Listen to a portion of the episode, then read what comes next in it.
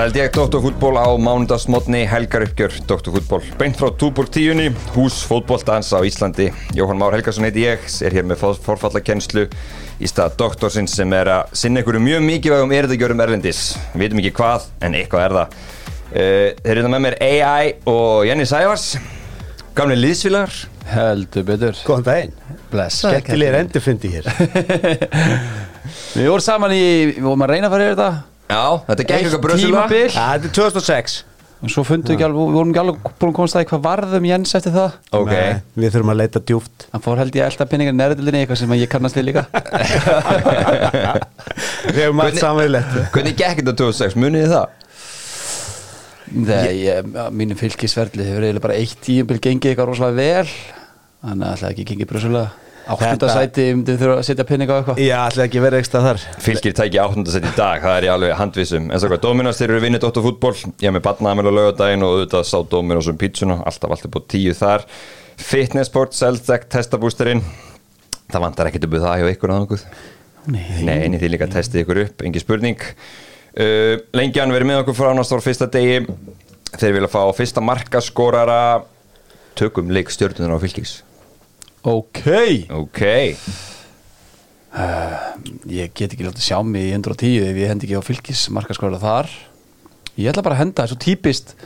Hann leik maður að mæta á sinn gamla heimavöll Finnsen, setur hann. Óli Kalli. Finnsen Gott er tek Ég ætla að segja að vinstri bakurinn Arnór Breki kom með neglu.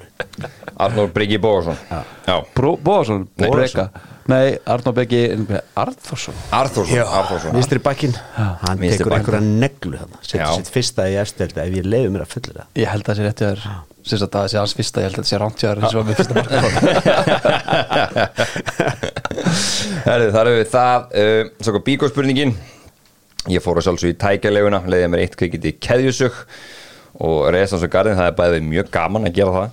Uh, Þau lögum spurningu Og hún er frekar einföld Af því það er mándagsmorgun og svona. Ég gata hann allan að strax. Frá hvaða liði kemur Alexis Sanchez til Barcelona? Til Barcelona, hann er þetta ekki Þetta er út í Nesi Bingo. Yeah. Varstu með það, Janni? Ef ekki að segja já. Herðu, við skulum hérna skoðum stóru málin með einar á. Og sjálfsögðu þurrkum við burt- burtu bullið með Wonder Vibes um, Svo hvað, Sindri Jensson, hann var í áhugaveri spjalli hjá strákunum í Steve Dagsrá og hann er semst í stjórn K.R. og þetta er, þetta er upplögu gæi, hann er í viðskiptum og, og fleira og hann tók sætt í stjórn knaspundeildar held ég alveg öruglega um, hérna, hann kemur aðeins inn á þessi aðstöðumál K.R.inga og er rauninni kannski líka bara svona þessari látiði sem búin að vera við K.R. undanferðan ár. Þetta er ekki bara vesen semst í meistarlóki kalli fótbolta, við munum eftir umræðinni í fyrra með kvennalið, það var nú kannski svona ekkert sérstaklega góður aðbúnað þar. Og svo fjall liðið úr efstu deild í körubolta sem hefur verið svona þeirra helsta víir hreinlega. Um, ég spjallaði aðeins við hérna, Skúla Jón Friðgjesson Já. Gamla K.R. bara legendið. Uh, hann er núna búsettur í Stokkólmi og ástæðan fyrir spjallaðins við hann er þess að hann hérna vissi að hann var að skoða þessi mál með, með uppbyggingun á á sínum tíma. Og ég skulle fekk hann þess að útskýra fyrir mig hvað er sem K.R. er að býða eftir. Þetta er knatthús í Vesturbæn sem er að býða eftir. Og svo er líka nýtt íþróttuhús sem er þá annar stór salur á móti þeim sem fyrir er. Og svo nýr völlur í raun og veru, þá nýtt undirlag á völlin og það er enda held ég ekki búið að gera upp þessi hvort þið vilja fá bara nýtt gras eða gerfi gras þetta myndi náttúrulega hafa áhrif á, á meistarlokkana, leiktaðs upplifinin og allt þetta. Og svo þessi fjórðalagi þá er það í rauninni að byggja einhverjar íbúður eða vestlunandi kringu svæðið. Og þar getur káur það eignast einhverja peninga í kringu þetta. Þetta eru svona þessi fjóru þettir um, og hvað sé ég fæ bara kvóta sem skúli Jón senda á mig. Hann segir sko að fyrir mér hefur þessi framkvæmdamál hafa dreigið svona lítið að gera með framistuðu liðsvellinum og það hafi félagið sér að draga svona mikið aftur úr bæði körfun og í kvennalögunum er ekki eftir að setja aðstöðu. Það er vissulega áhrif á félagi hildsinni en að litu leiti á beina möguleika meistarlokkana til að ná árangri. Það er ekki mörg að segja að þessi lið voru að ná góðum árangri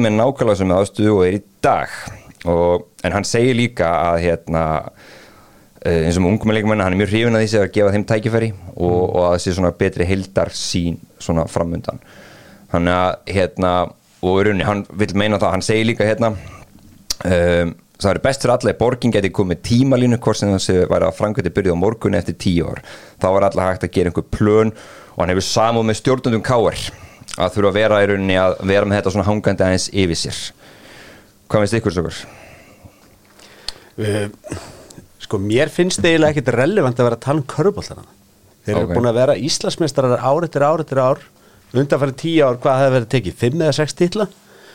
Þeir eru ekkit verð stattir uh, aðstöðulega að sé þar heldur en til dæmis valur Nei en sko ég hef ekkit með þú veist ég hef enga tölur varandi að fjölda þar en að fótbolta þetta er þeir hafa eitt völl og, og þarna eitthvað smá aðeingarsæði en mér finnst þetta svona þú veist vera svolítið villandi umræða um það að svona vera að afvega leiða okkur að því að aðstöðuleysi þeirra sé ástæðan fyrir þessu lélega gengi. En hvað með og með sem svo nú fóru stóri karakter út úr káir þú veist, ég veit að til og með Skiddi kennisti hættir þegar Íslandsmeistar 2019 þá, þá stígur hann var borði það var afskaplega farsall maður sem fór maður knastmyndilega káir og nú er ég sko, Balli Kristjáns er eitthvað mesti diehard káiringur sem þú finnur og, og Skúljón tekur þá með það sérstaklega fram sko, að þú veist, þú finnur ekki sannlega upplöfur í káiring í, í verkið. En fór ekki einhver svona hérna, Jónas Kristinsson, bróður Rúnast þetta lík, fer líka fljótlega eftir það sem frangatisur káir það eru stórir hausa búin að fara. Er ekki, bara er ekki káir bara í bara tölugurum breytingum Jú, jú, maður hefur nú hlera núna nokkra káringa Ok. þess að fá svona menn sem er með svona passion og insinn í klubbin maður hefur svona aðeins tekið púlsinam og það verði svona mikið umræðinni bara að, að reksturinn og, og stjórn og, og, og frangandi stjórn félagsins hefur bara verið rekin í algjör bulli. Ok, og það er það sem maður er að bóin sér bara spenntur alltaf hátt og rekstur rekin á yfirdrætti og áallegur Evropapinningur í fjárvægsta áallin félagsins bara settur inn þegar ekki svona búið að spila mótið þess að þeir eru áallega fyrir sagt, að þeir koma inn þegar það er engin vissa um. Já, okay. og það sé bara búin að vera svolítið og, og K.R. sé búin að missa þetta svona eftirsútur leikmenn fóru bara í K.R. á sínum tíma á sínum tíma, já þeir eru bara, bara að missa það og, og þeir eru ekki lengur með þetta fyrfaktor heldur sem félag Já. Káir var náttúrulega bara hérna, þú veist, bara frá einhvern veginn, bara ég man eftir mér þá var stóru bitarnir leitu oft í Vesturbæn Já, akkurat. Það er bara þegar Gauði Þórða kom þetta með liði þegar, þú veist, allir eða var þjálfari og, og sem viljum, þetta voru alltaf stóru, stóru bitarnir. Já. en þetta, þeir tala líka og tölum köruboltan þá er húst að þegar aðstöðu umræðin er orðin svolítið mikið og þau, að þeir sem ég hlera þá finnst mönnum þar bara að vera svolítið yfirklór. Að þegar við tala um köruna þá er nörd eins og Jens kemur inn á sexin mjög röð og þessar aðstæður, við þessar aðstæður og þá hefur það auðvitað ekkit áhrif á köruboltan hvað er að gerast í fótboltanum? Nei. Úst, en það er líka að tala um að það er bara verið svona körun líka. Það er búið að spenna bógan of hátt.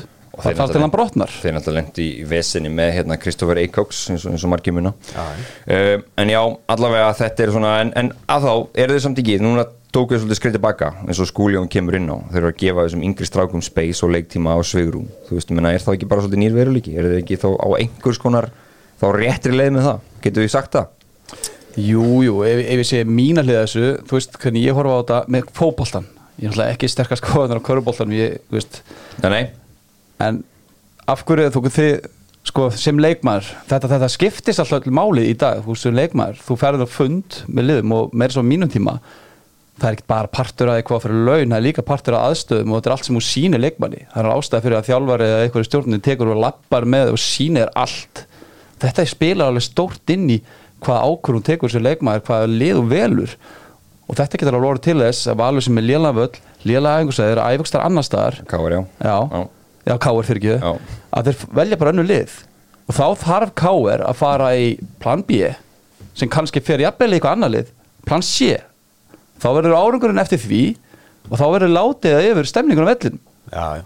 Svo má kannski nefna það einmitt líka að, að þið verðum að tala um ekkur, ek, á nýri vekkferðana hversu lengi á svo vekkferð að gangi yfir það eru þarna stjórnarskipti eins og við tölum um maðan fyrir á, uh, hvað, tveim, þreim árum síðan stóri karakter fara út Já. og það var kynningafundur á Hótel Sögur fyrir, allir sér ekki, tvö ár síðan ég fór á stúana og bankaði upp á í Vesturbænum og spurði fólk Það var kynningafundur á Hótel Sögu þar sem að fjársterkir aðalega voru bóðaðir á fund og kynningafund um framtíðar áform fjárhalsins. Þar hef ég heimildi fyrir því að fjársterkir aðalega hafa actually bara hrist hausin og lappað út. sem, sem áttu þá að koma að fjárstyrkjum til káir Fjárstyrkjum til káir, til liðsins, Já. þeir náttúrulega hafa ekkert með að gera varandi uppbyggingu á vellinum. nei, nei, Uh, þú veist, vegferð liðsins, það verður hérna ákveðin breyting, það kemur nýr formaður hérna 2021, hann er farin aftur, það er komið nýr formaður í dag. Uh, hún talar um að, að hérna að svona formar alls félagsins. Formar alls aðalstjórnar. Garðarsdóttir held ég að hún heiti já, sem hann tekur við. Uh, sko venjan í Ká er svo að formaði félagsins situr lengi átta ára undan Gilva nei ánum hérna Gilvi Dalmann hann situr í átta Já, ár. já, já. þar á undan uh, situr, ég með minna þetta Guðjón Guðmundsson tíu ár. Og svo tekur við Lúðugvið fyrir tveimur árum. Hann er hættur, það er komin í nýr. Og það talaði um einhverja jafnbreytstennu að Já, já. allir sitja við sama borð. Hvað gerist núna? Leikmaður í hvernalegi Körubaltakáar er valin í úrvarslið og hún frettir að því fjölmil Já, Já. það er rétt, þetta Það er voru hérna alltaf mikið eitthvað svona Já. fælu í gangi. Já það er ekkur undir aldaðna í gangi. Já. og það er eitthvað að gerast. Heldur betur, þetta er svona þetta kemur allt saman í ljós uh, Þú heyrðir Sindra segja, bara svona að loka þessu að þeir eru að reyna að fara sömu leið og vikingur og breiðblik og svona, sérstaklega vikingur Reykjavík sem er að taka þessu ungu leikmenn að koma heim að koma aftur, af hverju ætti ungu leikmæður sem er að koma heim í dag sem vil komast aftur út eftir 1-2 ár Já, þegar káar ekki með fullnægindi svör hvernig aðstæður eru klárar? Akkurat. Einmitt, en eins og skúli segir þetta er allan að plani núna og þeir þurfa þá kannski bara að það betur sem má segja, eða framkama það. Herru stókar, förum í aðra fréttir og um, förum hérna með uh, tjekkland byrjaðskoðun þetta er ekki að skemmtilegasta. Þetta er nöðsulegt, 20% ástur 15% ástur, ásækið. Uh, Stókar, það eru ömulega fréttir úr La Liga. Já, uh, Vinicius Junior hann uh, já, var bara fyrir kynþátta nýð í leiknum í gær gegn Valencia, það var alltaf vittlust í þessu leik. Hann fór á Twitter og uh, sagði bara sína upplifun af þessu máli sem er það bara þú að hann segir að það sé bara reysut vandamál á Spáni og í La Liga. Og hann er ósáttu með að deildin ger ekki neitt og takkaði þarna deildin uh, Fórsetið La Liga, hann svarar honum og veitur hún nánast engan stuðning og svona bara eiginlega halvpartin svarar hún um fullum hálsi. Nú er Carlo Ancelotti búin að blanda sér í þetta hann er brjálar eftir að þetta gerta sín segir í frett og fókvölda.net og eftir Militao líka. Er ekki spænska deildin bara er hún ekki bara í svolítið mjög ruggli algjörurugli og þetta er orðið ógeðslega þreytt og, og þetta er óþólandi að þetta sé ennþá í gangi í leikjum og að þetta sé bara yfir höfuð ykkur tíman í gangi í leikjum. Og það, að mjög pyrraður að, að, leik, að dómar hann ekki bara stöða leikin og það á bara lína sem á fjara eftir. Hann sko, getur segja, hann óskaði eftir því. Sest, Vinicius Junior, hann var að tilkynna og það á að vera svona eitthvað svona svo kallar að kalla svona, svona protokól, eitthvað svona aðgera áallin sem, sem á sér stað þegar að, að þú átt að heyra í rauninni svona hérna kynþóttvortum á stúkunni. Við höfum séð þetta, Mm. þetta, þetta hefur gerst stundum á Englandi og, og annar staðar. Mun þegar ennska landsliði hérna pæla hvort þau ætla að ganga að velli munið ekki hérna á síðast ári.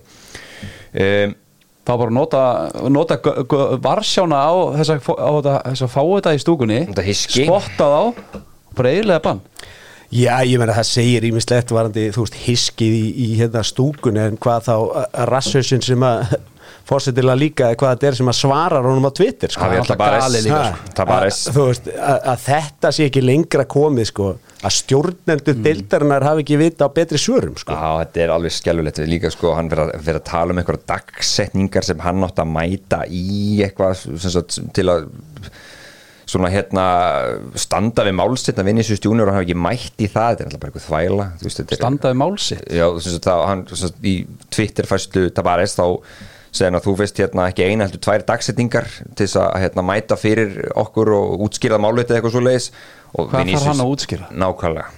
Hvað þarf hann að hann bara, þetta er fyrir allra augum í beinni útsendingu í sjónvarpinu.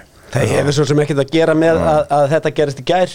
Na, og þetta kannski skikkir heldur betur á fyrir áhörendur Valencia þeir skuli vinna Real Madrid og, og, og tryggja veru sína í deildinni í kjölfari sko.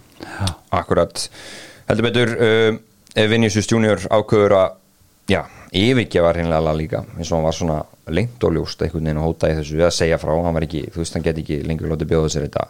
Þetta er nú hvað ég var að segja, einn af fimm bestu fótbolltöfnum í heimi. Já. ha, þetta væri, hann væri alvöru jarðskjálti um, en við skulum ekki svo sem fara eins langt með þetta. Herru, við skulum bara mynd okkur hingað besta deildin. Hún er á í fullu fjöri uh, Þrýleikir í gær. Albert Binu Ingersson Þú varst að lýsa leik Vals og kepla ykkur á hlýðarenda Já, ég spottaði ekki í stúkunni. Ah, Nei, betur, hvað hva veist þú um það? Ég spottaði ekki, ég veit allt um það Ég sáði ekki þar allavega. Það var ekkert erfitt að finna Þetta er fólk eitthvað að setja það á mætinguna eða? Ég er að setja þetta á þig. Já, já, ég var, ég var slagur. Það voru ekki nema 433 áhörendur sem mættu á völlin Það er, það er, það er, það er lítið krafa að vera valsar í dag. Það eru margi leikir á öllum vikstuðum í úslæðikefnum og svona. Og já, mætingin var ekki sérstaklega góð að hlýðarinn í gær. Ég ekki veður að- og svona. Ég er ekki einn af þeim sem er að drulli fólk hér á mætingu sko. ja, Því ég myndi ekkert nennan í þessu veðri. Að Þetta er sínt allt og allt með lýsingu og Fínt að nýta besta sæti bara. Besta sæti Herðu, ég átti vonu því að valsmenn kemur brjálaðar innan að leik eftir þess að skýta á mæti grindaðið um helgina eða fyrir helgi. Um, Hvað hérna, hvað sáðu við í ger?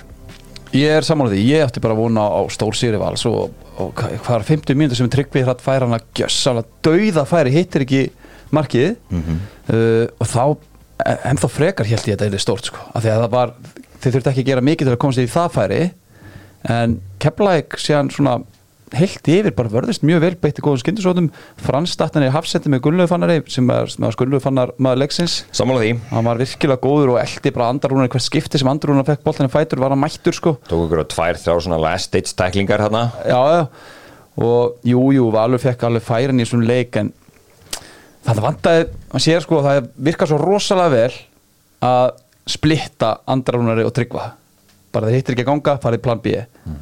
En þarna voru báður inn á vanda Aron Jó vanda, Birki Heimis, lítil sóknarvopn á bekknum ungi leikmenn og þeir eldri með reynslu varnasinnar og Arnar ákveður að nýta ekki bekkin en Nei. frábær úslutu kepplæk sem vandaði virkilega stóra pósta vandaði fyrirlesin, Nacho Heraslengi frá. Uh, Dagur Ingi sem hefur verið mest kreatífi var ekki í svona leik. Kamel ekki með. Bara, úst, og ofan á virkilega slæm úslut undarfarið þá var þetta bara sterkur, sterkur punktu til þess að byggja á. Heldur betur. Frábært fyrir kemlingina akkurat að ná að halda að reyna það en, en að því sögðu þá er þetta algjört klúður og algjört, þetta er bara stórslýs á valsbyrjum. Að skora ekki allavega eitt mark. Þetta er það. Þeir skora eitt mark en það, maður setur spurningamerki við sko sendir af með þessi gefi að hann skul ekki sjá sína stöð, hann þarf ekki nema 10 cm til að stíga út. Hmm. þá er hann réttstæður í markinu sem hann skorar Já, já, En Andri Rúnar uh, sko, keflingarna vörðust frábæra Gunnlegu fann að var frábæri leiknum en Andri Rúnar átti að setja þrjúmörk í þessum leik Eftir 25 mínútur hefðu þeir ekki geta verið konur í fjónul sko. Tryggvi Rafnis á sem fær saman hættur færi sko. ég er sammála sko. þegar Adam setur kitta í gegn kitti rikkir út Já. og kannski sást ekki alveg að vel þetta var algjört dauða færi Ertu að tala um, já, í setna áleik. Já, já. þetta, ég get alveg ég get, ég get alveg trúa því, sko, þau eru klúra svona færi, snemmarleiks eins og hann færa færana þetta hefur alveg, getur haft áhrif af útleikin Að tryggva Já, og svo færa þetta færi, ég get lofa því þetta er svona aðeins í haustum ánum Já. sjálfstu sér minkar aðeins þegar þú Já. klúra sitt er, sko. Klárt mál. En auðvitað fengur valsmenn hættulegur færi en ég átti vonaði þeir myndi fá fleiri færi en þeir fengu. Já. Nei, nei, þetta var Þa, það er erfitt þegar lið kemur svo neðalega og það er svo mikil vindur. Þú getur ekki skipt honum hratt með að honum við vörnina eða lifta honum milli kanta og tegja hraðar á þeim þannig. Þú þarft að ganga hratt með frá jörðinni annars tegur bara vindurinn hann. Þá er erfitt að, að, að láta lið opna, opna anstæðingin þegar þið fara svona langt niður. En mér fannst samt ákveðna líka stundum í pressinu og svona bara slöpp hjá valsmunum og þetta, þetta var framist það sem komur ótrúlega óvart af því að veist, þetta er bara að missa viking fimmstöðum frá sér út af jættefla heimallum til kepla enni heldur getur komið einhver svona smá ég ætla ekki að segja krísa en, en þú veist heldur að því Valur var á þvílíku flugi áður en við spiljum að leika á móti, móti grindaðega á fimmdægin þú veist, eru þeir dottin ykkur smá hólu?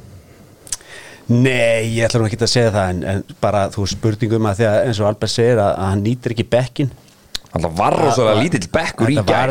Lítill bekkur Mér finnst þetta sóknarlega típiskur haukupollsleikur kom Já, inn á og bara- skora eitt úr hotni bara. Það er að það sem ég ætla, ætla að koma með að tekja á það. Það er rosa auðvelt að sitta hérna og segja eitthvað að hann hefði átt að gera þetta og hitt sko. Já. En einhver er ástæðan fyrir að ég er ekki þjálfarlingur en, en, hérna, en, en þú veist, það er með það sem að hugsa að, Þú veist, hva, hvað var plan B það?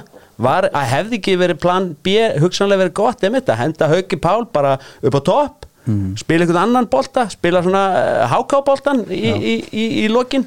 En hérna, svo velti fyrir mér bara mindset leikmanna sem að byrja hann að leik uh, Tryggvir Hafn hefur verið að koma sterkur inn af bekknum, nú byrjar hann byrjar hann ekki í raunni bara í ákveðni mann eklu, hann það fram á við af því hann hefur verið á bekknum. Hann hefur verið, hann hefur verið að nota sem svolítið súpersöf Já, og hugurinn er kannski þar herru, þetta er bara minn leikur, hér spila ég bara 90 mínútur af því að það er enginn hérna til að koma í þann fyrir Heldur betur, næsti leikur vals er engin smá leikur, það er útileikur á móti breyðablik sem er þá leikur sem er spilaður í 13. umferð.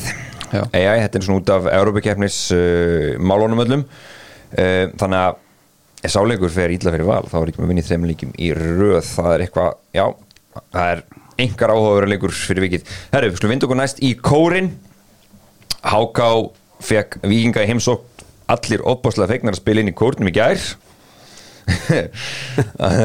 Í annað skiptið árun eða eitthvað. Um, Strákar Sigur hjá vikingum svona, voru virkilega góður í fyriráleik en um, það tókst að gera þetta smá spennandi í lokin, Háká?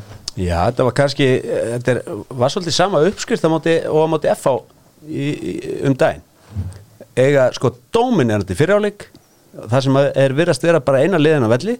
Svo er eins og þú veist, eins og þeir hafi bara tilfinningu fyrir því að þeir eru komnir að neitt nú lifir eru að spila eh, bara þú veist, svolítið bara eh, þeir voru þrátt fyrir 1-0 þá voru þeir að spila bara svolítið sinn leik í fyriráleik uh, engin hætta þannig laga sér en svo kemur háka bara þeir hafa plan B. Og ég er hrifin að því plan B. Þetta er eins og að, að þetta er svona lassboltin einhvern veginn, það er bara að spila háum bolta upp á Arthur Ara og við Já. er, ætlum að taka sénsinn og vinna, vinna setniboltan Þeir eru alltaf með Eithor Völer og Örvar Eggers sem láta hafa helviti mikið fyrir sér.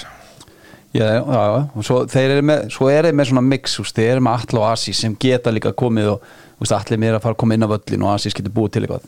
Þetta er svona mér svipað og IPVF er með svona direkt gæði fram að nema þeir eru líka með tvo gauðra sem geta droppað og gert eitthvað.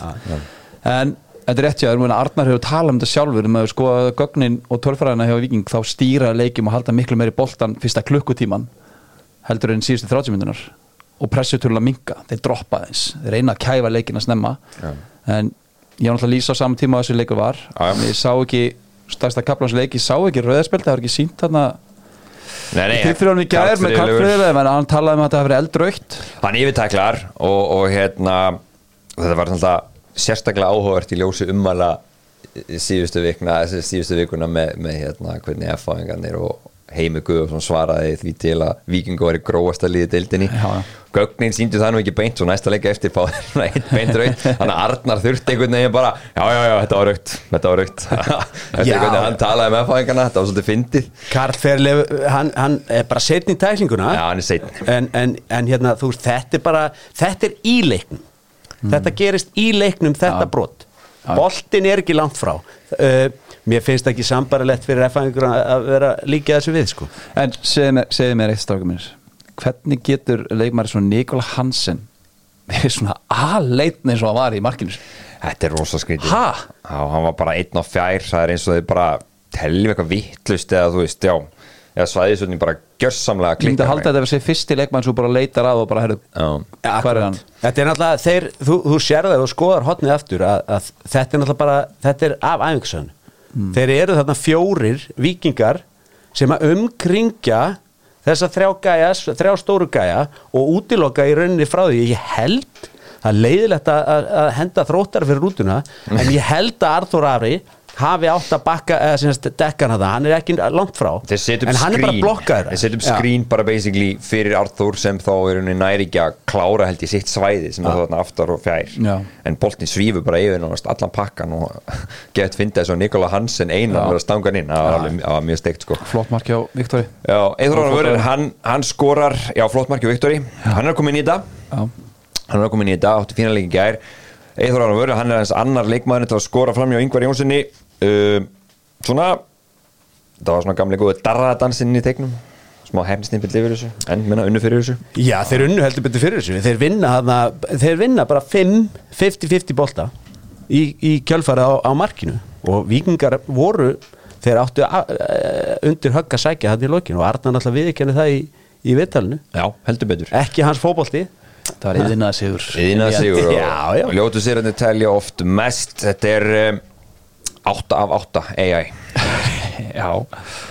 Ég hérna Ég bjóst ekki alveg við þessu frá Víkingar ekki Nei, En svona Er þetta ekki svona mesta harki hjá þeim í af þessum áttaleikjum, þessi leikur. Annars hafa þeir nánast stýrt allir jú, káa leikurinn var svona, stemdi allt í jættibla það er sennilega verið sangjöld niðurstað já já, sammála því og en í eigum þá voru stýrði þeim leik algjörlega fram að þessu markið þótt að það hafi verið flautumark. Já, já, harkaði inn. Já, en þetta er bara En þetta eru samt svona, þetta er þú segir, svo- þetta eru þrýr svona harksigrar. Já, já, Já, þannig að þeir eru líka- þeir eru þurft að leita í, í yðnaðinn þá hafa þeir gert það.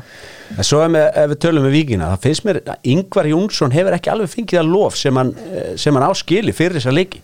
Hefur kannski ekkert haft rosa mikið að gera Nei. en það er náttúrulega hann á rísa vörslu í, í F-áleiknum skalli frá honum held að vera ágúst þannig í setni áleik þeir F-áleikur eru búin að líka þess á þeim. Rísa varsla. Þannig að þú veist, ef svo boltið við fara inn hva, maður veit ekkert hvað gerist í kjölfari sko. en Ingvar Jónsson hefur verið rosalega örugur finnst mér, á milli stangana í vikingunum saman því og svo núna þú veist við reist vera Nikola Hansen, hann er að kveikja á sér. Þessi þriðileikunum reisum hann skorar hann að ofan á það vikingur já þeir líta helviti vel út Nei, lítið helviti vel út. Hörru, við skulum smell okkur í Kóbóin Þar eru, nú er dýlsmistarar Þeir unnu Káa í gær. Nokkur samfærandi Já, Og hérna, ég er hálfið nú svona á, Já, náttúrulega allanleik fyrir upp að lenda Og tíðenda lítill fyrirháleikur uh, En svo settu blikarnir í gýrin Sérstaklega upp að í setna áleiks Og enn og aftur Gísle Jónsson Hann er sá sem er að, er að draga vagnin Sóknarlega fyrir byrja blikana já, mér fannst þetta eins og við tölum um á, í órugavellunum með vindinu alltaf, maður veist að sérstaklega að sjá það þarna í fyrirháleik. Og Káa var að pressa hátt upp og það gekk vel að því að það var svo erfitt fyrir breyðblika skipta um milli kanta og tegja á þeim. Og Káa voru í þetta og svona að þetta var brösugt í fyrirháleik. Já, já. En En þeir stóðust áhlöpið þetta gerði það. Og, og hérna mér finnst munurinn á, á blikunum vera að sá hvort að Ólífer spilar eða ekki hvort að hann sé þetta djúpurinn á miðinni og ég var til í að sjá bara eiga í tölfræði snillingin kanna stöðun á því Fá gögn. fá gögn á því hversu mörg áhlaup þeir standast á sig með hann í liðinu og ánans Anton Laugun er frábær fótballtamaður en hann hefur verið að spila þessa djúpu stöðu það og hef- er svolítið viltur hann, er, hann spila svolítið boltanum út og vill spila sjálfan sig upp og í þrýðning og skilja þetta sér að hann fer, er hann fer með hátt upp völlin hann náttúrulega þegar hann spilar virkilega góður Já, ég, sko, ég skal skoða þessu gögg fyrir því kallum Endilega. Ólífur náttúrulega var frábær í fyrra og fekk kannski, þú veist, það var kannski sá sem að fekk minnst, minnsta peppu alla, var erfitt að taka einhvern einn út en hann snatt var alltaf sjaldan í umræni það var ekki nema doktorinu sjálfur sem var alltaf haldurum á lofti. Já, en við skoðum aðeins hérna bara þessa tvo sem skoraði í þessum leik. Við erum talað um Gísla, hann er búin að skora núna 5 og leggja upp 2 Já. þannig að hann er búin að koma 7 mörgum og Hörskuldur, búin að skora 3 leggja upp 4, hann er búin að koma að 7 mörgum komast að 7 mörgum og sko hvað er Stefán ekki svo með? Stefán Ingi með 6 Já, og búin að leggja með eitt eða eitthvað. þessi tveir sem tala um Gísla og Hörskuldur mm. þeir eru búin að koma að 14 mörgum af átján.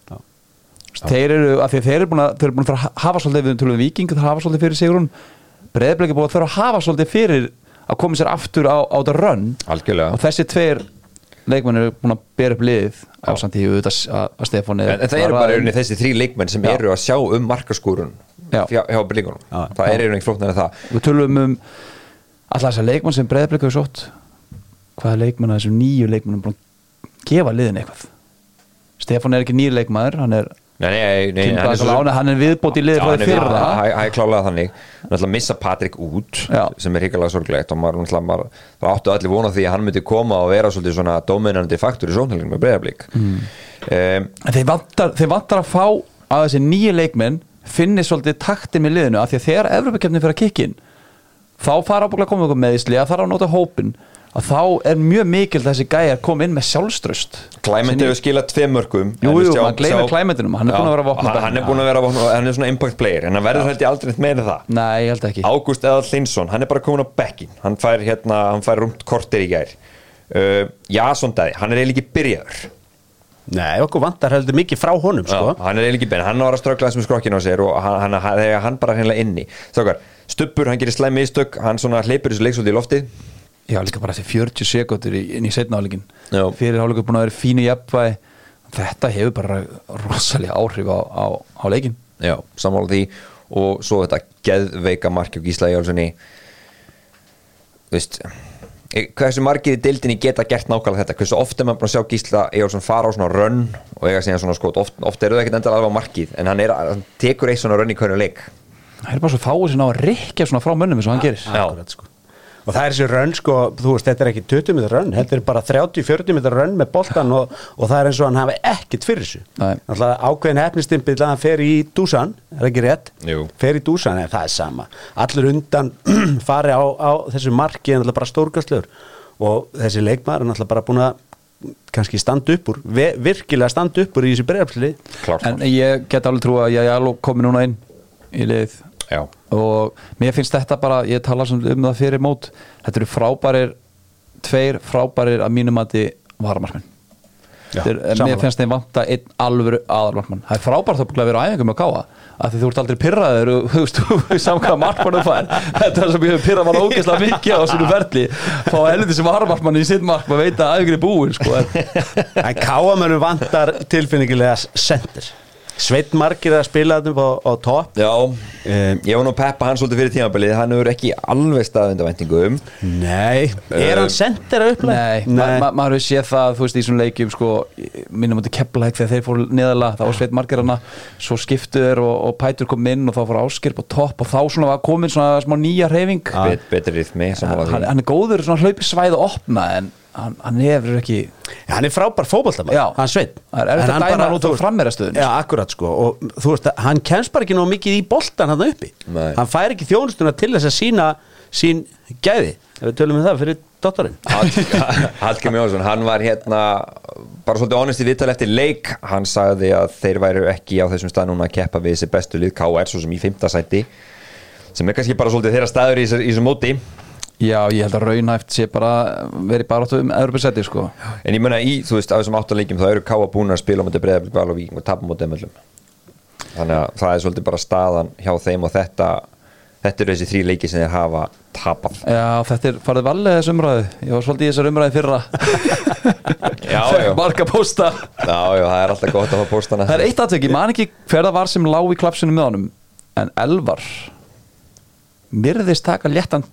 með kjartan henni á þetta. Sparka upp í loftið í ykkur svona pyrringi Í átta leikmanni. Í, í, í hérna dansinum við Stefán. Það geti verið. Já. og fekk svo sjálfur stættir Ég man Sparkar hann ekki. upp í loftið? Ég- mér sýnist það. Svona Ég var hann að nýra á Suðlandsbyrni, ég var við það að fara að byrja að lýsa leitt vals, ég var gerum tilbúin og ég sá þetta bara svona litlum skjá eftir að sjá þetta betur en mér síndist, það. Er svona þegar mennum fá að komast upp með þetta. það fara allar sparki blófti Já, það er rétt. Herri, stóka, það eru leikir núna í kvöld. Umferðin klárast í kvöld. Það er uh, IBF FH Kjartan Henni Fimbróðarsson það kom yfirlýsing frá stókar, hvað er stengur það? Hún var mjög Já, það var mjög löng fyrir lítið innihald sko. Þetta er búið að vera fram og tilbaka uh, menn að bakka þetta upp hér og annar staðar þessa uh, hegðun hjá kjartan henni en við erum svo sem alveg búin að fara yfir það allt. Auðvitað, að mínum að þetta verðskuld er þetta bara bann. Ég er að leifa að elda þetta, þetta? Já, þetta verðskuld er bara bann en þessi yfirlýski á FA þeir, þú veist, þeir fara um víðan völl. Þetta var eiginlega bara, þú veist, 90 mínútna leikur, framlenging og, og vítaspilna sem allir taka tvö víti, sko. Já, já. en innihaldið var basically bara það hvað Klara sagði. Um það að hún, hún uh, svona lýsir atveikinu aðeins og vel. Já, já. Já, Ég, ég, ég sammála því, það er sko þú getur aldrei 100% sagt að kjartan henni hafi viljandi ætla að gefa hann úr bóskot þótt að mér finnst það líta þenn út af því hann horfur hans á en þú getur aldrei sagt það með vissu. Og mér finnst mjög skrítið að dæma hann í bann út frá því en ekki dæma Guma Maggi í bann við það sem hann gerir við Alex Nei, nú að segja, nú eru F-fæðingarna mættir á samfélagsmiðlan að segja Nikolaj Hansen veitt meina, þetta, olbáskott opna, þetta opna þessa dyr. Nú ertu bara að opna þessa dyr. En mér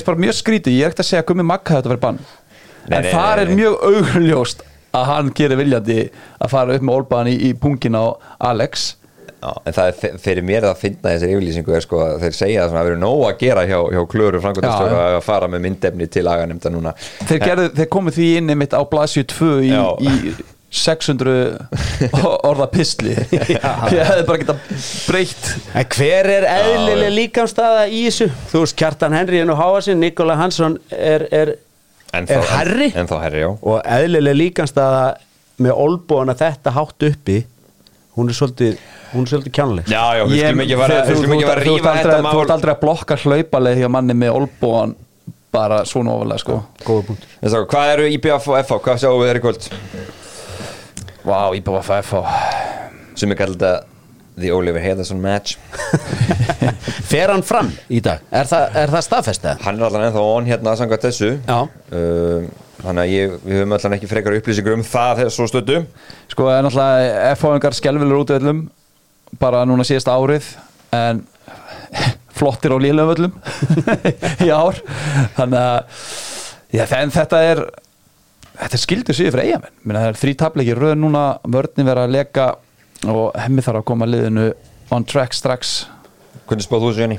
Ég held að ég vinna hennar leik ég held að reynda líka A- a- En hérna Þú veist, veðrið mun augljóslega stýra þessu leik ef að, ef að, ef að spáin rætist á, Já, á þann veg sko. Og ef að verður já. Já.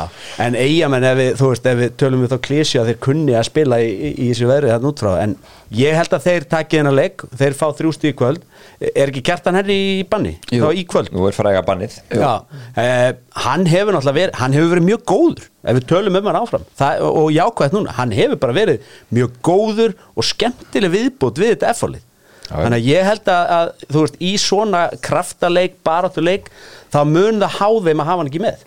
Það mun líka há sko Úlfi mikið, Já. mér finnst kjarta henni gefa Úlfi mikið, þá getur kjarta henni tekið það sem Úlfi er kannski ekki alveg komið með leikskilning á eða gæðin í að halda boltan og svona, getur hann meira að vera að hlaupa í svæðin. Já. og samanskapi, gefur Úlfur kjarta henni mikið þá hleypur hann í, í svæðin. En minna, ég, ég menn þetta var bara fyrsta tapir á heima, þetta mútið viking í einhverjum tíu leikjum sko, þeir eru búin að vera gríðarlega sterkir hana þannig ég sé það alveg fyrir mér taka þráðan eh, pikka eftir þráðan núna í kvöld. Já. og hef mér reyða þessar vel trilltur eftir, eftir síðasta leik. Hvað heldum við um fram Káers okkar sem er núna klukkan 19.15 í kvöld? Þetta er bara aftur, enn og aftur bara bullandi fall bara til Káer núna, must win. Eru að sjá það, eru að fara að sækja þrjá punta. Í Úlfarsdalinn Já, ég ætla bara að gera svo kræfur að, að, hérna, að spáðum sigri í kvöld. Já, þeir skoru nú nokkuð mörgum og dykka mönnum í fylki. Já, já, þannig að það stíplan brast. Eru að fara að sjá Káer einhver koma fljúandi inn í leikin Menna, það er náttúrulega alltaf mörk í þessu framleikjum já en eins og, eins og Rúnar kemur inn á og kom inn á eftir þennan leika þetta er, þetta er önnur keppni þá einhvern veginn kemur aðeins inn í þann aðeins öðru sinni að þannig ertu bara komin aftur sem fallið í basli. Og ég held að, ég held að fram vinna þennan leik. Ok, og, Ok. þe- en þetta er sko og Rúnar er ennþá örugur ef það gerist? Ekki fyrir mér, finnst mér ekki, ekki verið það. Ef hann, allar, hann tala sjálfur tala liðið upp hvort að, hvort að það sé rétt eða ekki út frá hópnum þá tala hann sjálfur um það að K.R. eigi alltaf verið topparötu þá er liðið í neðsta sæti eftir áttum fyrir þá er þjálfarinn ekki að vera örugur í, í sínu sæti. Með eitt sigur þá. Já. Herðu, stjarnan fylgir í Garðabænum í kvöld. Uh, Samsung Völlurinn. Jökull byrja frábælega Hvað sjáum við þar? Rúna Páll, Homecoming. Já, ég held að, að ég sé ekkit annað en að, að stjarnan haldi áfram sínu rönni eftir þessar tvo leiki. Þeir hafa bara verið virkilega flottir og virkilega solid. Þeir eru heima allir kvöld á móti, móti liði sem hefur verið að leika mikið af mörgum en ef að fylgismenn ná að stoppa upp í göttin varnarlega séð þá, þá hef ég fulla trúa að þeir geti náði í, í stigi kvöld þeir hafa verið virkilega flottir finnspyr spilalega séð sko ég man bara ekki eftir því hvernig við fylgisminn fórum að ná unnum sko. ég held að sé ángrís að ykkur tíu ár síðan sko. en minna því ekki drauma byrjun hjá, hjá Jökli. Eða því ekki drauma leiki líka. Já, já. Heima búið IBVF heima Það var búið að tala um þetta. Já, Það væri og smá svona hérna, í, Þetta væri svona make it or break it þessi leikir. Ef þeir hefur farið illa þá verður þau bara í rugglinu en, en hérna, hann hefur heldur betur stíðið upp og líðarspil heldur vel. Herru, skulum halda áfannst okkar um, Förum aðeins núna, kíkjum aðeins á lengjadöldina og sákar háskólanum.is endilega kíkið þangað, það vantar unga kallmenn í sk- háskólana smellið á háskólanum.is og kíkið á úrvalið. Ég mæli með báðum háskólanum háskólanum Íslands og háskólanum Sækjavíks bara kannið mínar, bara frábæri staðir. Mæli með þeim. Herru, stókar lengjan í gær, við sáum uh, Þórsarður unnur líktni líkt, eða á lögadaginn líktnir að ströggla. Kempinu óvart Selfoss fjölnir, fjölnir vann uh, fyrir sunnan. Gróta vestri 2-2 Davíð brjálar eftir leikin ósóttu með dómarana Þróttur Reykjavík ægir 3-1 fyrir þróttarana. Þess að leikur fór fram í gær. Þróttur Reykjavík, eitthvað menn? Nei, þinn í mennjani Mínu menn, já, ég fór af völlin í gær. Ok, í, í haust, haustlægð á vellinum.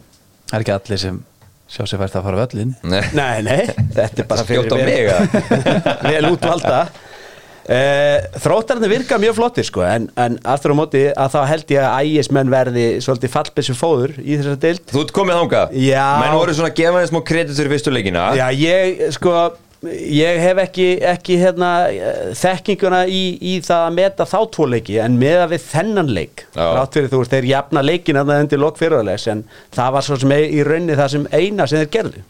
Já. þeir, og, og það er það sem að sér mikið í þessari deild að það er hættulegasta sem að, sem að þú gerir í rauninni á móti svona liðum virðist vera þannig að þú far hotn Já. af því að það endar alltaf með skyndi svo náði sko. Já. og þannig skora ægismenn sitt mark og þannig fá ægismenn uh, sína sjensa í gær en eins og ég kom inn á en daginn að, að hérna, Ian Jeffs, hann verðist vera bara góðri leið með þetta lið Ég held að að þetta verður svona ægismenn, ég held að ægir sé ekki fara að ná mörg stið útöðli þeir þurfa að treysta vel á heimaðöllin og er alltaf uppi Nei. Herru, við skulum keira þetta áfram, við förum í söguna með sjóa Strákar, saginni sjóa, í april 2019 bætt- bætti Shane Long með sem aðeins staðið óhaggað til átján ár. Þá skoraði hann hraðasta mark í sögu Premier League. Hann leik þá með Southampton, markið komið leik gegn Votvort og skoraði Long eftir aðeins 7,69 sekundur Gamla metið átti, jú, engin annar en Ledley King. En Philip Billing gerir svo allu á metun í massiðaslunum en hann skoraði eftir 9 sekundur sléttar í leik Bournemouth og Arsenal. Sætla minningar AI Jú, það var frábært. Muni eftir þessu marki sem Senglong skoraði? Eh, Muni eftir þessu? Nei. Þetta er fyndið með þess að Votvort byrja með boltan Já, ok. Já, þeir, og gefið tilbaka, hann fyrir pressu Vardamaður neglir í hann og hann er komin reynd í gegn. Við ætlum ekki bara fáralegt að Ledley King að geta átt þetta með. Það var eitthvað geggja það, þarf að skoða það. Mér hefur ótt verið líkt við Shane Long Já, hlaupastýlin Nei, andlitið þá nú flesti verið að segja. Hlaupastýlin að Það? Það er longar en er Bæði fjallmyndalur. Hann er glæsir Já. Te- Átekja Uppáhald AI ennska úrústildin Nei. Ekki lengur. Úrstildin eru ráðin. Manchester City er búin að vinna ennsku úrstildina þrjú ár í röð. Og ég held að sé við hæfi AI að við bara dettum hérna í svona ennsku misturunum til heiðus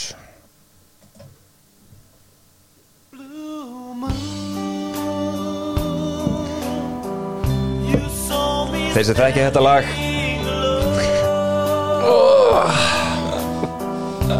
Ég veit ekki hvort þú ætlaðir að pyrra mig eða ekki en þetta- er að pyrra mig ógeðslega mikið. Þetta lag er spilað fyrir hvern einasta heimaleik Manchester City. Og nú kemur smá rock í þetta.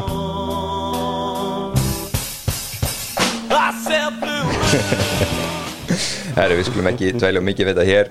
Um, AI, byrjum á, byrjum á leiknum múti uh, Arsenal, Nottingham Forest Nottingham Forest Arsenal. Um, Arteta gerir smá breytingar á liðinu. Já, þarna reyðist allt saman. Uh, hann setti Thomas Partey í ykkur svona John Stone stöðu. Flæðandi hæri bakur komin á miðuna já hann svona eiginlega bara svissaði þessu þú veist, hann bara gerði þetta hægra megin staður vinstra megin, hann hendur honum svolítið svona í Sinchenko hlutverkið. Já. Mér fannst að Jú, þessi leik var alltaf í jafnvægi fram að þessu fyrsta marki sem var algjör skita en þetta fór Ødegaard og Já, Kvar. þetta er ekki fyrsta skipt sem hann gerir þetta. Tegur bara blinda sendingu það en hérna partí, úst, Asena fór, fór mjög mikið hægra megin upp. Kivíó var bara settur hann til þess að varna maður, ekkert annað. Nei. og partí kom aldrei undir Saka. Og eftir þetta mark sem var slis þá var bara flatt. Já. og þetta var eiginlega bara trúin, skammalegt trúin svolítið farin líka þú veist, þú pælir í þessu. Já, já, og þú veist trúin auðvitað farin, menn að þú veist Arsenal vissi alveg að þetta er búið, en samt sem áður menn að koma on og Það er veit að lenda undir þá, fattur þú? já, já, en bara hvernig það var eitt lið að reyna að halda sér uppi hitt lið að reyna að vera í smá sjensi að vera í báratunni og það var ekki að sjá Arsenal maður í ykkur í titilbáratu Kongurinn Fabio Vieira, hann fekk 20 mítur hann ætla að fá meira, það var frábær. Hann er góða fyrirgjöf og hann gripin en þú veist, þetta eru síðustu áttar leikir í Arsenal þú veist, að klúra sem leik mútið Liverpool 2-0 yfir, klúra sem vestamleik 2-0 yfir, 3-3 heima gett Southampton, svo tap mútið Brighton heima, tap núna mútið Forrest Arsenal bara búið að setja standartin á, tím, á þessu tímabili. Ég, veist, þetta er frábært tímabili í helsinni veist, ég spáði Arsenal fyrir tímabili þriðasetti og var hlegið hana og við, Arsenal, við skulum ekki gleyma því að fyrir þetta tímabil voru við Arsenal stundismenni kölluð veikustu stundismenni landsins af því við vorum fyrir það bara það að spá Arsenal meistartildasæti voru við veikið sko núna erum við alveg, þú veist, nú er hlegið okkur að því við endum öðru sæti. Þannig að þú veist, hætti þessu bulli. Hættu þessu bulli, herru, þetta, þetta er bara orðið þetta er bara orðið allt og þekkt hjá Arsenal. Þú veist, í fyrra líka. Enda tíma bríla já, í, í, í fyrra náði Arsenal 15 stegum að 30 síðust 10 leikunum mm -hmm. töpuðu leikum til Krista Pallas, heima Brighton, Southampton og allt svona og verða, þú veist, tveim stöðu frá mistasæti og þeir gerðu það líka með Unai. Þá tapaði liðið fjóru leikum á síðustu sjö Já. og mistu þá. Altså, þegar er eitthvað stórt undir síðustu tíu leikina þá er þessi liðið höndlega ekki. Líka þessi leikur, 82% með boltan 0,66 í ekki. Þannig að þetta er rosalega mikið pointless possession leikur. Það var svona vant einhvern kraft í þetta. Nottingham Forest. Ég held að þeir verði established lið sem sagt á næsta ári. Ég held að þeir verði ekki fallbaráttu. Hann er, hann er búin að ná að, að hérna, Kúperinn, hann er búin að finna svona ákveðna leikmenn loksins, einhverja blöndu Danilo, hann er góður, við erum alltaf töfum Morgan Gibbs White, Brennan og Johnson og þarna Avoni frammeirhann sem er alltaf bara um bjargan var falli. Um, og Rennan Lotti, þú veist, hann er mér stæðan búin að vera að finna og þessi guður uglaði grikki, hann er að fara að setja meiri pening í þetta, sáðu hann í stúkunni? Hann var að kissa einhverja lukkugripi kissa mig, þú veist, það er bara að sleikja nú að þefa honum eitthvað En Þetta er allt spurningum, ég meina hvað ætlar hann að gera? Ætlar hann að fara að kaupa aðra 16 nýja leikmenn í þetta- ég, ætla að vona að hann Það hefði voru svona svo lært að margir- þessu. Að þeir bara, þú veist, þeir dömpi núna þessu rusli þarna sem eru með. Maður svo marga leikmenn að láni í fyrra hjá sér og svo, Já, menn þeir, henda Lingard burtu, hann var bara ári. Og svo, svo eru þú veist fleiri leikmenn hérna Andra Ægjó fari vonandi ekki áframaldið samning og einhverju svona gaurar, en hann er búin að finna núna svona ákveði svona blönd af 5-6 leikmennum sem spila þessa leiki og eru góðir. Blanda þessu við það, þá held ég að þetta veri bara fínt fótballtali Já, hann sendir hjá þeim að af og nýi, hann hefur endað tíðanbill askaplega vel, hann hefur verið gaman að sjá uppbyggingun á honum fyrir næst tíðanbill já, Brennan Johnson verið flottur þessu tími líka. Já. Arsenal hins vegar þurfa miðjumenn og, og ég trúi því að kaupa hægri bakvörð og svo þurfa þær frammýra líka. Jésús getur verið frábær en ég held að sé alveg ástæði fyrir hann bara að spila svo rosalega marga leikja kantinum. Maður sér það svolítið á nýja sko.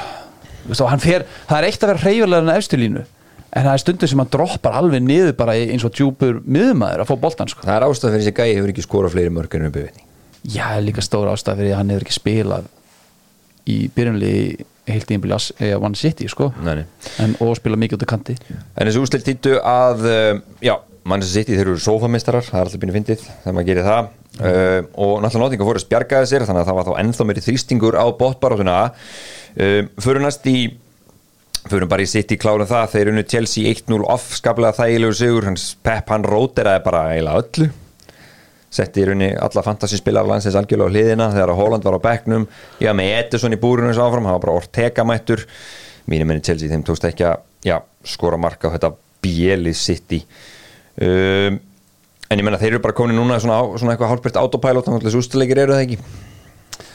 Jú, þetta þetta var ekkert skemmtilegsti leikur Nei. sem maður er hort á. Hvað- hvað er það? hann, Tempólaust. gerir, hann gerir nýju breytingar á þessu liði á, á sýtti liðinu. Ég samlaði, ég hendi gúndugani mitt fantasi lið. Hann kom ekki svona inn á. Nei, nei, nei, það er svo, svona velti fyrir mig, veist, að hann kom ekki inn á í síðasta heimaleg er hann þá nokkuð að fara?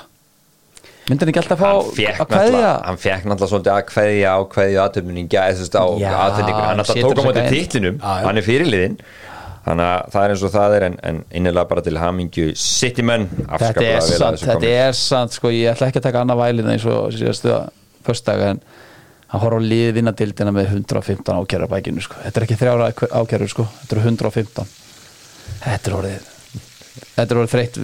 Ég, ég hef bara, ég hef ángríns ég elska þessa deild, ég hef áhyggjur að henni.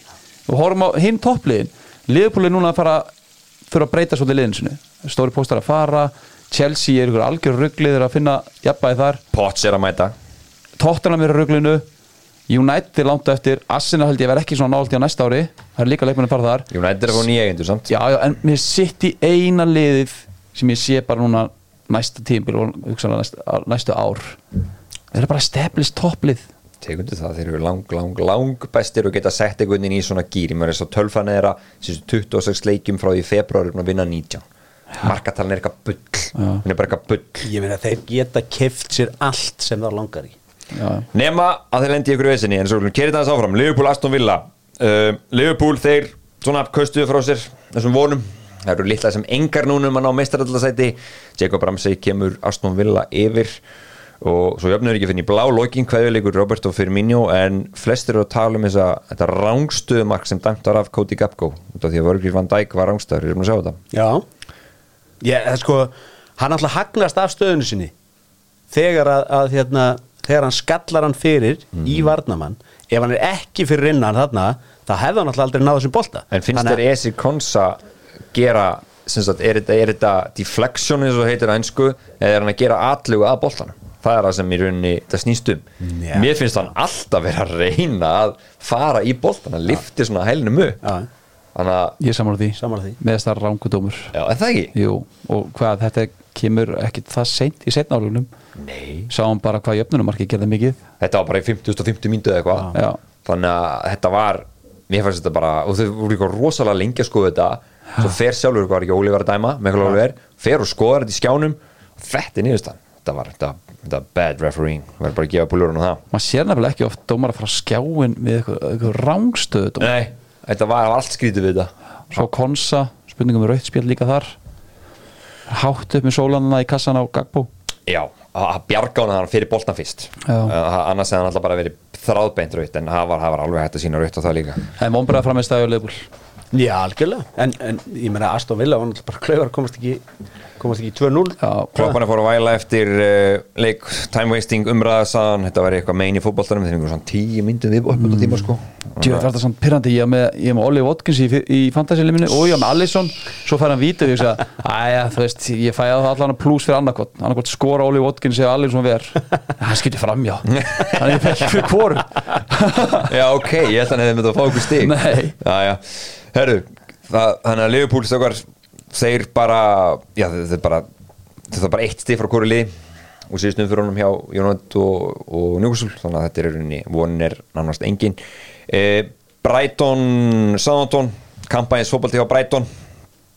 Já, en nú aftur þeir náttúrulega eru komnir í Europakefni núna, fyrst skipt sögu félagsins ekkert eðlilega vel gert. Hvernig séu Brighton þróast, bara svona stutt. Segjum að þeir missi Moises Cassetto segjum að þeir missi ef við segjum bara, ég veit ekki, maður kallast þér Mac- McAllister fyrr. Segjum að bara missi báða miðumannu sína. Cassetto og McAllister. Næri hann að drilla þetta aftur í gangandi Serbi Ég veit það ekki. Það er kannski konir af, aðeins ofar úr, í, í klassa á leikmunum með því að einmitt, tryggja sér sæti í Europakefni það er góð punktur. Og þeir náttúrulega gerir þetta rosalega vel. Já, mér finnst bara, þú veist Já, við sáum vestam komast þennan klassa ofar það hendaði ekkit móis að vera með þáleikmenn. Kemur ekkit óvart ef þið verða bara í strögglu á næstu tímabili?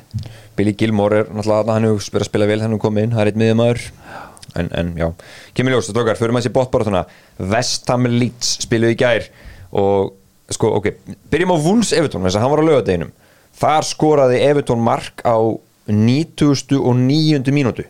Wolves kemst yfir Everton betri leiknum en þeir jafna á 90. og 9. mínútu marki sem er eiginlega lígilegt hengur, hann, hann hengir langarinn í tegin bara svona last stage var það ekki sko Tarkovski sem heldur þessu lífi?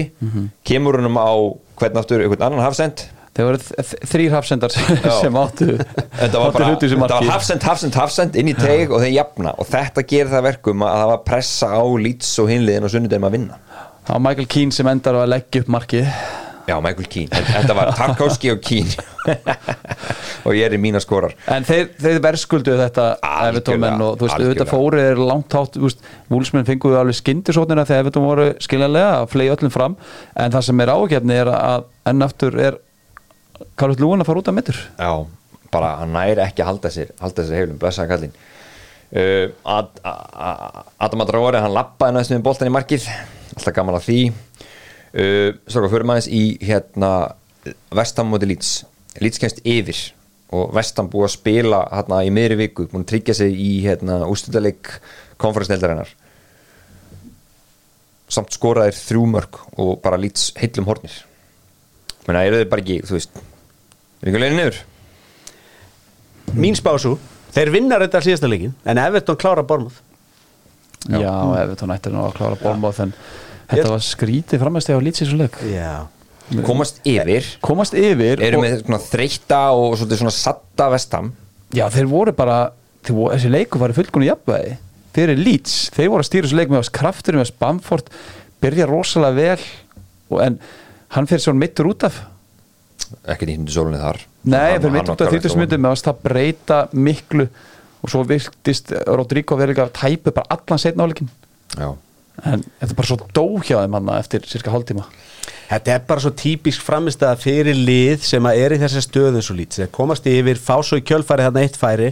Og er það svo ekki jöfnunumarkið þar sem að Luke Eiling gerir þessi mistöka er það mark 2 Uh, Gerard Bowen skora fyrsta, leggur fyrsta marki Já. Bowen. Annan, ég ætla það ekki, mark 2 en þetta er bara svo típist eins og ég segi. Þú veist fyrir lið í þessari stöðu að, að, að hérna, þeir komast yfir klúrafæri og það, svona, þú,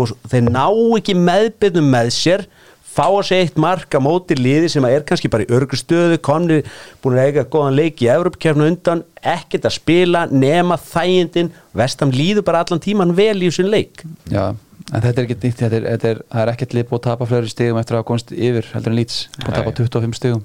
Og búin að fá á sig sko síðustu tveim tímambjörnum tekuðu saman alveg sko óstjórnlega fjölda þessu 150 mörg sem fá á sig þessu tveim tímambjörnum þannig að þeir eru sem er held ég eitthvað mesta í gegnum þessum þeirrum stóru deildum í Európu Sáðu þið Alledæs er að aðstofdómari misti peningin hana misti ykkur 5 pundur vasanum sko. Já. Alledæs beði sér niður og réttólmann svo það gauður alltaf að taka hann. Það færði hendur í byrtu og setti hann sér í vasan skellja með Þetta er ekki ekki ekki Herðu, við skulum þá uh, Bormoth uh, 0 Manchester United 1 geggja markja á Casemiro. Já, og voru með, já, bara með tökla haldir í þessum leik Manchester United alveg hún í lokina þegar Bormoth fór að gasa banka og þá kom gullhanskinn sjálfur David Egea og tryggði United þetta þennan sigur. Bormóð með fjóra byrjunleismenn í þessum leik og með þess að tala um það meða við hvað voru fáir startir að þessu leik að að eins og hafa komað um óvart hvað þetta var mikill leikur. Já, einmitt. Þannig að hann peppaði bara sína rotation menn. Bormoth eru líka bara svo sáttir og sattir og, og bara já með tímabilið. 17 clean sheets hjá, hjá geitinni. Gullhanskinn ha? Gullhanskinn maður, það bara segir sér sjálft. Þetta er besti markmaður deildarinn tíma bara að fá smá ást í doktorfútból Það eru eitt leikur eftir, það er eh, 2-2 leikur Fulham og Krista Palace. Um, Alessandri Mítrós með 2 Þú ert Palace maður Ég er Palace maður. Já.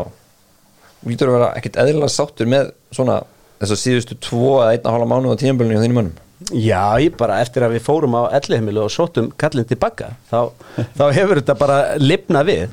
En eins og við komum uh, hérna fram á en daginn að þú veist, þetta gat ekki farið neina leið heldur en upp á við fyrir hann sko. Já. og um leiðum hann tekur bara sína bestu leikmenn og, og gefur þeim bara ákveðið svona frjálsaði þá bara vöknuðu til lífsins og þeir komið sér í þægilega stöðu að hafa bara verið að spila svona þægindin út í gegn.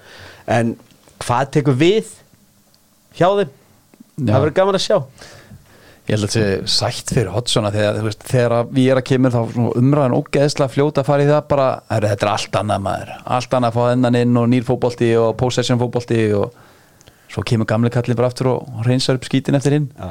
en hann, ég myndi, ég myndi vilja sjá Hodgson hætta að þjálfa núna. Þú veist fór hann ekki Á- þetta á- Watford á- gikk hann og fjall með jú, og maður svona, ah, hvað þetta endar svona? Núna er að koma perfect ending sko. Akkurat, sko. Það er rétt og en, eins og segi Palace Fulham í tíundasetti og Palace í 11. þessi lið bæði tvö bara og sérstaklega Fulham náttúrulega búin að vera frábæri þessu tíðanbili eru nýliðar náttúrulega Já. og Mitrovic hann heldur áfram að skora tvö í þessu leik allir nýlegan er að halda þér uppi það er bara afskaplega selgeft Já. vámaður það er eitt leikur í kvöld, Newcastle tekur á móti Leicester, Leicester verða að vinna til að eiga eitthvað sens, þeir eru eftir að spila tvoleiki deildinni geta mest náð 36 stigum. Þeir eru með betra markarluta heldur en Everton ef við gefum okkur Everton vinni síðasta leiknum. Þannig að það er ennþá sens fyrir Leicester en hann er mjög takmarkaður. Þetta er, við þú veist, ég sé þá ekki fara að gera neitt af því Newcastle þarf eitt til að tryggja sig áfram í mistallina þetta eru eitt stig og síðasti heimaleikur og þessi, þessi völlur er nú nógu annarskot erfið fyrir. Það verður trillt stemningarna svo Leicester á mjög vinnabú leik næst, í lokaumfyrinni á móti vestam það er eina sko, það er eina sko Mattisson er náttúrulega að leikmar og þetta getur orðið svona áhörna pröfa. Akkurat. Orðað Newcastle, það er rétt. Þannig að það getur sér framistöð frá honum og þegar það er þá er lestilíðið hefði döflut Ég sé það ekki gerast að tapir þessu Nei, just, Nei. ég sé bara, ég sé bara jafntefli í kortunum þessum Þú Já, Newcastle vilja halda hreinu þá geta það gert Já, það sko. ég sé, ég sé ekki lestið fyrir mig meira en það en Nei. ég gæti þetta alveg, ég er samlega, ég gæti alveg sé jættefli sko. Þetta er svona Stráka mér, við að enda þetta hérna á einum klassískum. Nei, eða já. Sigga mín maður. Sigga, okkar allra besta. það, veitu hvað, þið voru ekkert mann að deyta það ekki Við Sigga? Ég reyndi. Hún var í hinni liðinu. Herðu, mun Arsenal uh, vera jafn mikið í toppsætun á næst tíðanbili eins og voru þessu tíðanbili Nei eða já, ei, þú byrjar. Mér er að sérst í titilbarðu næstimli Ég sagði jafn mikið í toppsætun á næstu leik Nei, ekki séns. Ekki séns. Nei, ég sé það ekki gerast. Bara engin lífræðilegur, en, bara en þá en í topparatu Ef við bara breytum spurningunni, nei eða já. Mun Arsenal vera í topparatu á næst tíðanbili Já. Og það? Já. Ok. Það fyrir náttúrulega erfitt að segja núna fyrir eftir hvaða leikmenn vera sóttir. Uh, Þú sér að Sjaka er að fara og Partey ég veit ekki hvað varðum Partey hann er búin að vera hann algjörlega aftur. ef hann kemur aftur. Svo hvaða leikmenn eru keftir ég, Hvaða leikmenn viltu sjá? Það? Hvaða sendir viltu sjá? Það? ég er ekki alveg búin að mynda mig skoðan á sendir. Ég veist að ef það er hægt að fá smá afslátt á Vlauts þá Til að- hann Láits, herru, næst spurning. Mun markamyndi falla í bestu dildinni? Mun eitthvað leikmaður ná 20 mörgum? Nei eða já? Nei. Nei, úff.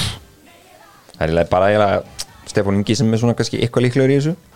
Já, svona aðeins kólnað hjá honum. Heimilt það er Stefán Ingi, ég sé ekki annað. Hann er svo ungur og fyrst árið hans í efstu deild, þetta verður kannski svolítið upp og niður í honum. Nei, ég held að vera samanlega ég, ég reynda að sagði hérna fyrir einhvern tveim vikum að Stefán myndi ná þessu en ég, ég, held ekki, ég sé að hvað, hvað var komið með þeirra 17 mörg já. Já, 16. 16 Já já, Hægðist á öllum hann í lokin menn voru líklega framan af og sérstaklega Ísak náttúrulega menn ég held að hann myndi strauja þetta met þegar hann var komið, þú veist, átta mörg eftir sko sjöleiki eða eitthvað hvernig sem það var sko. Þetta er bara, þetta gerist yfirleitt þannig menn eru f- fljótir svona upp til að byrja með svo kemur pressin í lokinu þá þá er þetta komið, en, bara þú veist með Stefán Inga menn eru bara orðni varir um hann já, eftir að, eftir að Óskar bað mennum að, að hætta að tala hann upp Já. þá hafa menn bara farið í hafa farið að passa hann betur. Það er þannig. Um, Stráka mínir, þá er þetta bara dagskræðan tæmt hjá okkur. Uh, bara kæra það ekki verið komina Dr. Fútból snýr aftur á miðvödags morgun Takk